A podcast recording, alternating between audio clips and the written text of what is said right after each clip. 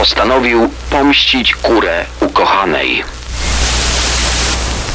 Opisywano go jako niewiarygodnie skromnego, z doskonałymi koneksjami w policji.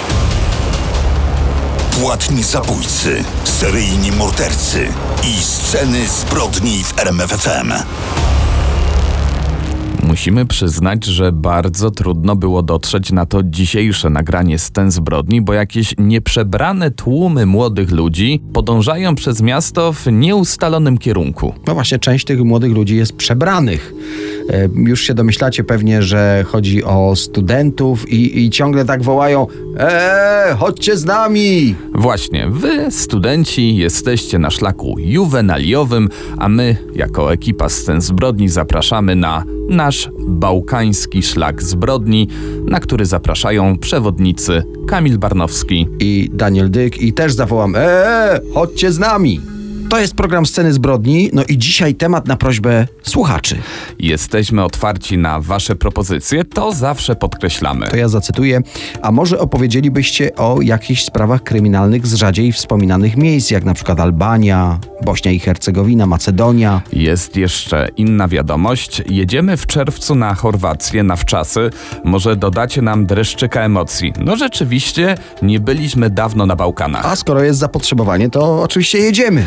Zapraszamy więc na bałkański szlak zbrodni. Odwiedzimy m.in. Macedonię. Tam w małej górskiej miejscowości grasował seryjny morderca. Potwór z Kiczewa przez długi czas pokazywał niekompetencje tamtejszej policji. No i jak Bałkany, to koniecznie Chorwacja i jeden z najsłynniejszych seryjnych morderców.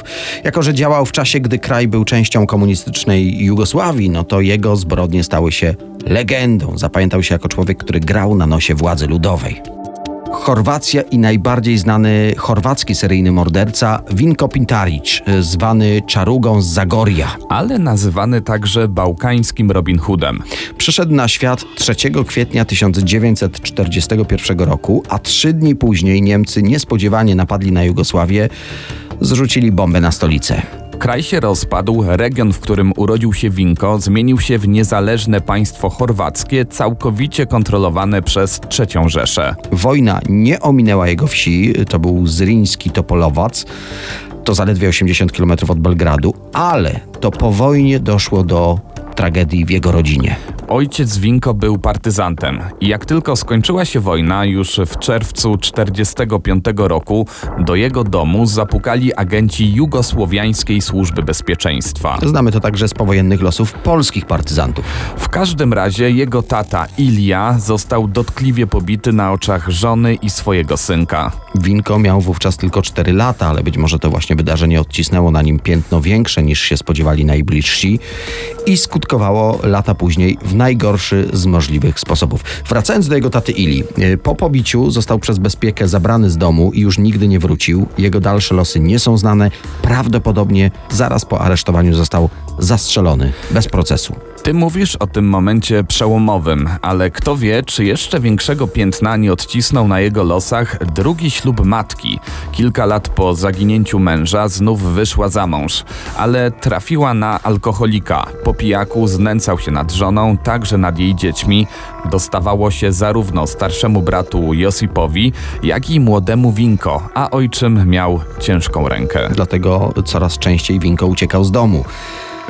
Był mocno nieletni, jak trafił do grupy przestępczej. Zatrzymywano go później kilka razy za posiadanie nielegalnej broni.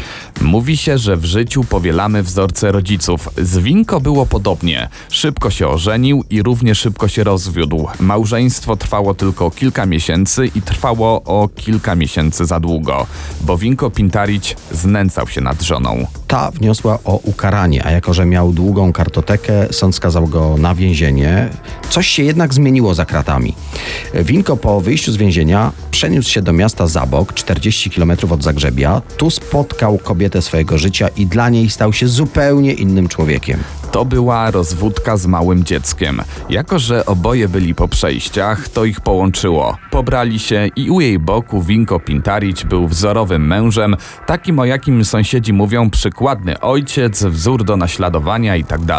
Zresztą mieli wspólną córkę i byli naprawdę szczęśliwi. A jednak nie mówilibyśmy o nim w scenach zbrodni, gdyby nie miał drugiej mrocznej natury. Jest 26 kwietnia 73 roku. Winko wstąpił do baru w Zaboku w jednym celu upić się do nieprzytomności i zapomnieć. A wyjaśnić trzeba, że starał się o pracę w fabryce, liczył na posadę ochroniarza. Wszystko wskazywało, że pracę już ma, a tu nagle odmowa. Winko podejrzewał, że za odmową stał jego szwagier, który tam pracował. Pewnie coś naopowiadał o nim i marzenia o pracy prysły. W barze, jak to w barze chorwackim, zamawiał rakiję kieliszek za kieliszkiem. No tutaj, skoro już tak wspomniałeś, uściślić trzeba, bo znawcy by nam wytknęli tę nieścisłość, że zamawiał lokalną odmianę podwójnie destylowanej rakii, specjał o nazwie prepeczenica. 60% mocy. Dlatego totalnie pijany wrócił do domu. Wdał się w awanturę z sąsiadami, próbował się bić, ale był na to zbyt pijany, tylko się ośmieszył. Wkurzony wszedł do domu, ale tylko na moment. Wrócił z pistoletem i wystrzelał cały magazynek. Jednego z sąsiadów zabił, drugiego ciężko ranił, po czym uciekł do lasu. Ukrywał się prawie trzy tygodnie. W końcu wygłodniały i wyziębiony, po 18 dniach zgłosił się sam na komisariat. Skierowano go na obserwację do zakładu psychiatrycznego. I tak jak poprzednie więzienie odmieniło go na lepsze, tak psychiatryk odmienił go znów na gorsze. Doszedł do wniosku, że żona musiała pomagać milicji w poszukiwaniach. 24 października 1973 roku uciekł z zakładu, by ją zabić. Wcześniej dla kurażu znów się napił i znowu sporo, kompletnie pijany, podszedł pod swój rodzinny dom, zobaczył żonę przez okno i strzelił. Pijany, odległość 30 metrów, krótka broń, a jednak trafił niestety śmiertelnie. I znów ukrywał się w okolicznych, znanych sobie doskonale lasach. Tym razem miesiącami gubił pościg, aż ktoś doniósł na milicję, gdzie się ukrywa. 20 stycznia 1974 roku jego kryjówka, opuszczony dom, został otoczony, a Winko został aresztowany za zamordowanie żony oraz sąsiada, a także za próbę zabójstwa drugiego z sąsiadów. Został skazany na karę śmierci. Ale po apelacji karę śmierci zmieniono na 20 lat więzienia. Za kratami miał zwyczaj się zmieniać i znów strażnicy mówili o nim wyłącznie dobrze, wzorowy osadzony. A jednak lista jego morderstw nie została jeszcze zamknięta. Za dobre sprawowanie dostał pracę przy parzeniu kawy dla więźniów, a w końcu marzenie mógł uprawiać więzienny ogródek. Praca na świeżym powietrzu idealnie. Po ośmiu latach miał wyjść na zwolnienie warunkowe, ale ktoś doniósł, że za krat ten wzorowy więzień, jak się wydawało, słał groźby do sąsiadów. Przepustki nie dostał, więc postanowił na wolność wyjść sobie sam. Jako, że miał dość swobodny dostęp do więziennych pomieszczeń, włamał się do działu administracji i dopisał swoje nazwisko w aktach więźniów przeznaczonych do zwolnienia. Nikt się nie połapał i tak Winko Pintarić wyszedł na wolność 21 lutego 82 roku. Mówiliśmy o tym, że nazywano go chorwackim Robin Hoodem. No i wyobraźcie sobie, że będąc na wolności, wysyłał listy do swojego adwokata. W tych listach opisywał, jak uciekł. Ośmieszał wymiar sprawiedliwości. Te listy adwokat rozsyłał do gazet. No i tak właśnie urosła legenda Winka jako tego, który walczy z systemem komunistycznym. Jednak trzeba wspomnieć, że w liście Winko o swoich morderstwach napisał, że to tylko początek i zapowiedział, że chce zabić wielu ludzi. Rozkochał w sobie Barbarę Sipek. Nie krył przed nią, że uciekł z więzienia, że zamordował sąsiada i żonę. Zamieszkał razem z nią w wiosce Andraszewecz. To właściwie kilka kilometrów od Zaboku, gdzie, przypomnę, zamordował te dwie osoby. Winko i Barbara utrzymywali się z kradzieży. Gdy milicja ją za to aresztowała, Pintarić nie mógł tego znieść. Włamał się do jednego z domów, steroryzował bronią mieszkających tam braci, wziął ich jako zakładników i zażądał, by milicja zwolniła jego ukochaną. Groził, że jeśli tego nie zrobią, zabije 30 osób. Faktycznie sam o mało nie zginął. Bracia Milan i Mati wykorzystali chwilę nieuwagi porywacza i rzucili się na niego z tasakami. Ledwo przeżył, ciężko ranny, trafił do szpitala, ale po jednym z ciosów tasakiem już nigdy nie odzyskał władzy w prawej ręce. Za ucieczkę z więzienia, za kradzież i próbę kolejnych zabójstw dostał kolejne 20 lat za kratami. I tu znów był wzorem osadzonego. Psychologowie przypuszczają, że miał coś w rodzaju rozdwojenia jaźni. Na wolności górę brała jego mroczna, krwiożercza natura. Być może wyzwalaczem bestii był alkohol. W więzieniu dawał się w pełni kontrolować. Sumiennie pracował, nigdy nie wdawał się w awantury ze współwięźniami. I znów za dobre sprawowanie otrzymał nagrodę. 3 września 1989 roku pozwolono mu na kilka godzin przepustki. Mógł wyjść za mury więzienia. Nie wrócił. Znów wiele miesięcy krył się w lesie i opuszczonych domach. Jeden z mieszkańców wsi koło Zaboka, Rudolf Belina, rozpoznał go i dał znać milicji. To był czerwiec 90 roku. Jakimś sposobem Winko dowiedział się, kto na niego doniósł. Kilka dni później tego mężczyznę zastrzelił. Cały czas także odwiedzał swoją ukochaną Barbarę. Gdy poskarżyła się, że jeden z jej sąsiadów, Bożo Habek, zabił jej kurę, postanowił pomścić kurę ukochanej. Mordercę kury zastrzelił w sierpniu 90 roku. Milicja robiła zasadzki i organizowała obławę za obławą na tego seryjnego mordercę w ramach akcji pod kryptonimem Pierścień. Ludzie w całej okolicy przekazywali sobie informacje o kolejnej i kolejnej i kolejnej ucieczce Winko i jak to znów nie dał się złapać. Opowiadano też, że w każdej wsi miał kochanki. Nigdy nie wiedziano, u której się ukrywa.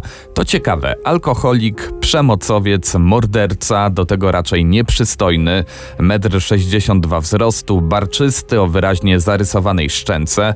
Kobiety mówiły, że dawał im poczucie bezpieczeństwa i miał to coś. No i był sławny. Chorwacja podzieliła się na tych, którzy widzieli w nim bezwzględnego, psychopatycznego, seryjnego zabójcę i na tych, którzy widzieli w nim tego, który bawi się w ciuciu babkę z komunistycznymi władzami, a więc no wyrósł na symbol. Mimo zaangażowania ogromnych sił, milicji nie udało się go złapać. Na przełomie 90 i 91 roku wybuchła wojna między Chorwatami a Bośniakami. Nikt wtedy przecież nie ścigał już Winko. A ten nie dawał o sobie zapomnieć. Czasem po pijaku dzwonił na milicję, po prostu pogadać ze śledczymi. Nigdy nie udało się im namierzyć jego numeru telefonu, pozostawał nieuchwytny. I znów pomógł donos. Maj 91 roku. Milicja zaczaiła się w pobliżu domu jednej z jego kochanek we wsi Weliko Trkowiście. Doszło do wymiany ognia, Winko został ranny w nogę, wściekł się i uznał, że to kochanka musiała go zakapować milicji, dlatego strzelił jej w brzuch. Miała szczęście, przeżyła, ale Winko tyle szczęścia nie miał. Chwilę później milicjanci przypuścili ostateczny szturm na chatę i seryjny morderca został trafiony w skroń. Mimo ogromnego rozgłosu na pogrzebie Winko Pintaricia był jedynie ksiądz i czterech więźniów niosących trumnę.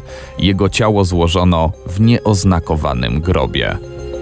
W dzisiejszych scenach zbrodni podróżujemy po Bałkanach. Tym razem będziemy w Macedonii, a tak dokładnie od 2019 roku Macedonii Północnej. Niewielkie, dwumilionowe państwo, chętnie odwiedzane przez turystów. To właśnie w tym malowniczym kraju grasował seryjny morderca, a historia tych zbrodni wygląda jak wyjęta z powieści detektywistycznych. Niestety to wydarzyło się naprawdę. Przenosimy się do Kiczewa, 30-tysięczne miasteczko położone pośród malowniczych gór. Od stolicy Macedonii dzieli je niewiele ponad 100 kilometrów drogi. Mieszkają tutaj Macedończycy, ale też Albańczycy, Turcy i Romowie. Miejsce jakich wiele w całym kraju, żyjące swoim niezbyt szybkim tempem. Każdy zna każdego, jak nie z wyglądu, to ze słyszenia. No ale tutaj kończy się ta sielska opowieść. W listopadzie 2004 roku zaginęła 65-letnia Mitra Simianowska. Wszystko wyglądało jakby wyszła do sklepu na zakupy. Kobieta nie wracała jednak do domu. Już kilka godzin później rodzina rozpoczęła poszukiwania. Na nic zdało się przeczesywanie okolicy i sprawdzanie lokalnego szpitala. Dwa miesiące później poćwiartowane ciało Mitry Simianowskiej zostało odnalezione na dzikim wysypisku śmieci. Była przykryta starymi ubraniami, śmieciami, odpadami i ciężkimi kamieniami. Badania wykazały, że przed śmiercią kobieta padła ofiarą gwałtu. Została również brutalnie pobita. W sprawie podejrzanych było dwóch mężczyzn zamieszanych w inne morderstwo. Trzy lata później, gdy wydawało się, że Kiczewo zapomniało o tej tragedii, w listopadzie 2007 roku dochodzi do kolejnych wstrząsających wydarzeń. 56-letnia Lubica Liczowska zaginęła po tym, jak wyszła ze swojego domu o 17.30. Kobieta pracowała jako sprzątaczka. Zresztą tak samo jak pani Mitra. Zaginięcie zgłoszono na policję. Zwłoki kobiety zostały odnalezione na innym dzikim wysypisku śmieci, zawinięte w plastikową torbę. Dostrzegł je kierowca ciężarówki podczas postoju na toaletę. Lubica Liczowska była duszona, najprawdopodobniej również głodzona. Ciało kobiety było poćwiartowane. Do kolejnego morderstwa dochodzi w maju 2008 roku. 65-letnia Żiwana Temelkowska zniknęła z domu. Jej męża zadziwiło to, że kobieta wyszła z mieszkania zostawiając gotujące się mięso. Zaniepokojony zadzwonił na jej komórkę, ale nie odebrała go Żiwana, tylko jakiś przechodzień, który znalazł telefon na ulicy. Scenariusz się powtarza. Po 10 dniach odnaleziono ciało Żiwany. Morder morderca torturował ofiarę. Kobieta miała na sobie szlafrok i była związana w podobny sposób jak poprzednie mieszkanki Kiczewa. Tym razem zabójca zadał swojej ofierze kilkanaście ciosów nożem. Na przestrzeni trzech lat w niewielkiej miejscowości Kiczewo brutalnie zamordowano trzy kobiety. Mieszkańcy byli pewni, że w okolicy musi grasować seryjny morderca. Wszystkie kobiety były po pięćdziesiątce. Każda z nich pracowała jako sprzątaczka, mieszkały niedaleko siebie, ciała porzucone poza miastem, dodatkowo owinięte w plastikowe torby. Sporo podobieństw. Kobiety w strachu o swoje życie nie wychodziły zatem wieczorem z domów. W gazetach te sprawy morderstw relacjonował lokalny dziennikarz Vlado Taneski to on w swoich publikacjach łączył przypadki zabójstw z seryjnym mordercą. Jego artykuły przyciągały największą uwagę. Miał dostęp do takich informacji, które wskazywały na jego gigantyczny kunszt dziennikarza śledczego. No to powiedzmy o nim coś więcej. Urodził się w 1953 roku, wychowywał się w mocno konserwatywnej rodzinie. Rodzice wychowywali go twardą ręką, ale wyjątkową niechęcią darzył swoją matkę. Jego ojciec ojciec popełnił samobójstwo w 1990 roku, później zmarła jego mama. On w 2008 roku miał 56 lat, dwójkę dorosłych dzieci, z żoną był natomiast w separacji. Vlado rozpoczął karierę dziennikarską, gdy miał 25 lat. Nic więc dziwnego, że pracując w branży przez dziesięciolecia, wyrobił sobie takie kontakty, które pozwalały mu dotrzeć do no, najbardziej szczegółowych informacji. E, tutaj pełna zgoda, tylko że Vlado w swoich artykułach zawierał szczegóły, o których nie wiedział absolutnie nikt poza śledczymi. Informował, że kobiety zostały związane, a potem duszone kablem telefonicznym. Dokładnie relacjonował zdarzenie krok po kroku, opisywał nawet rozmowy porywacza z ofiarami. W swoich artykułach pisał, że Lubica Licowska została porwana po tym, jak podeszło do niej dwóch mężczyzn, którzy powiedzieli jej, że syn został ranny i w taki sposób zwabili ją do swojego samochodu. On zawsze miał pierwsze zdjęcia z miejsca odnalezienia ciał, skąd to wszystko wiedział.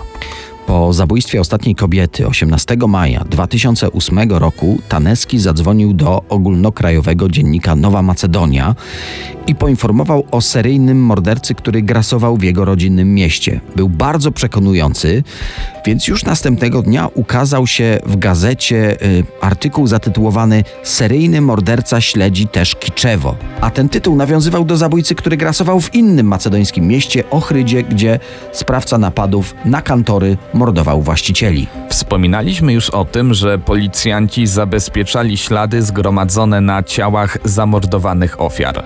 Wytypowano więc listę podejrzanych, od których pobrano próbki do analizy porównawczej. W kręgu zainteresowania śledczych znalazł się też dziennikarz, który w swoich artykułach podważał ustalenia śledczych. Wyniki badania DNA były szokiem.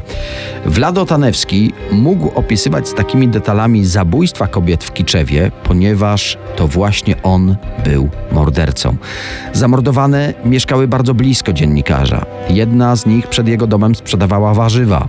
Zresztą Tanewski przychodził później do domu, wtedy jeszcze zaginionych kobiet, prosił o zdjęcia, które opublikuje w gazecie i jak deklarował, tym samym pomoże w poszukiwaniach. Jaki był więc motyw mordercy?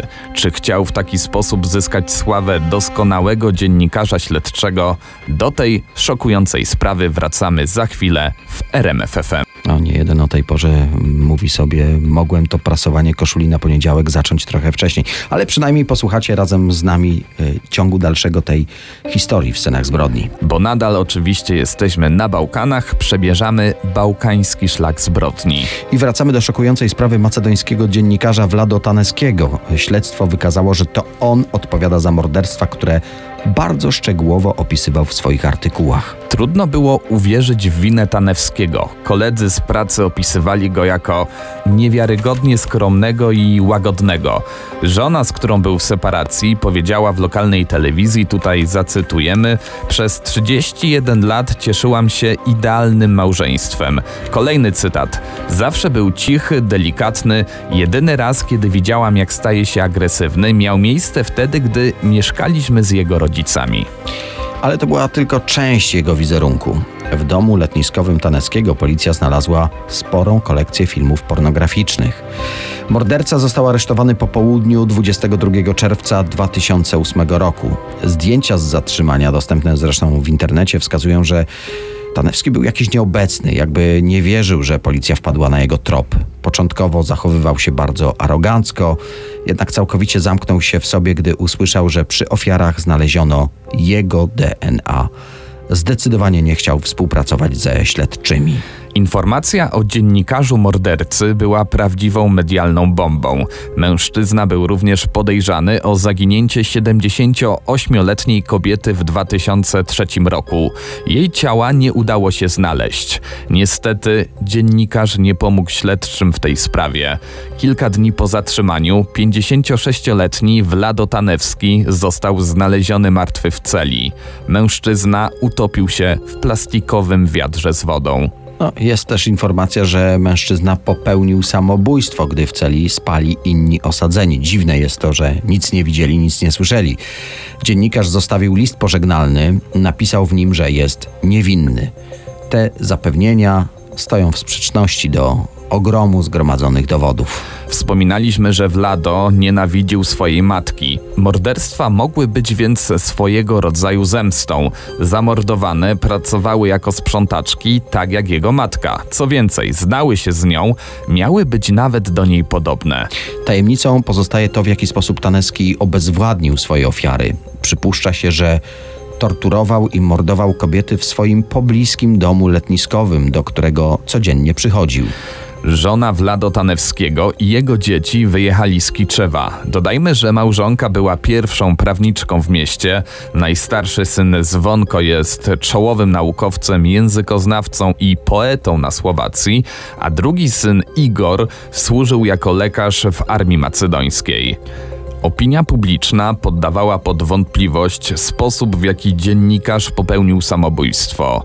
Wiele osób do dzisiaj jest przekonanych, że macedońska policja nie chce do końca wyjaśnić sprawy potwora z Kiczewa. Sceny zbrodni w RMFFM.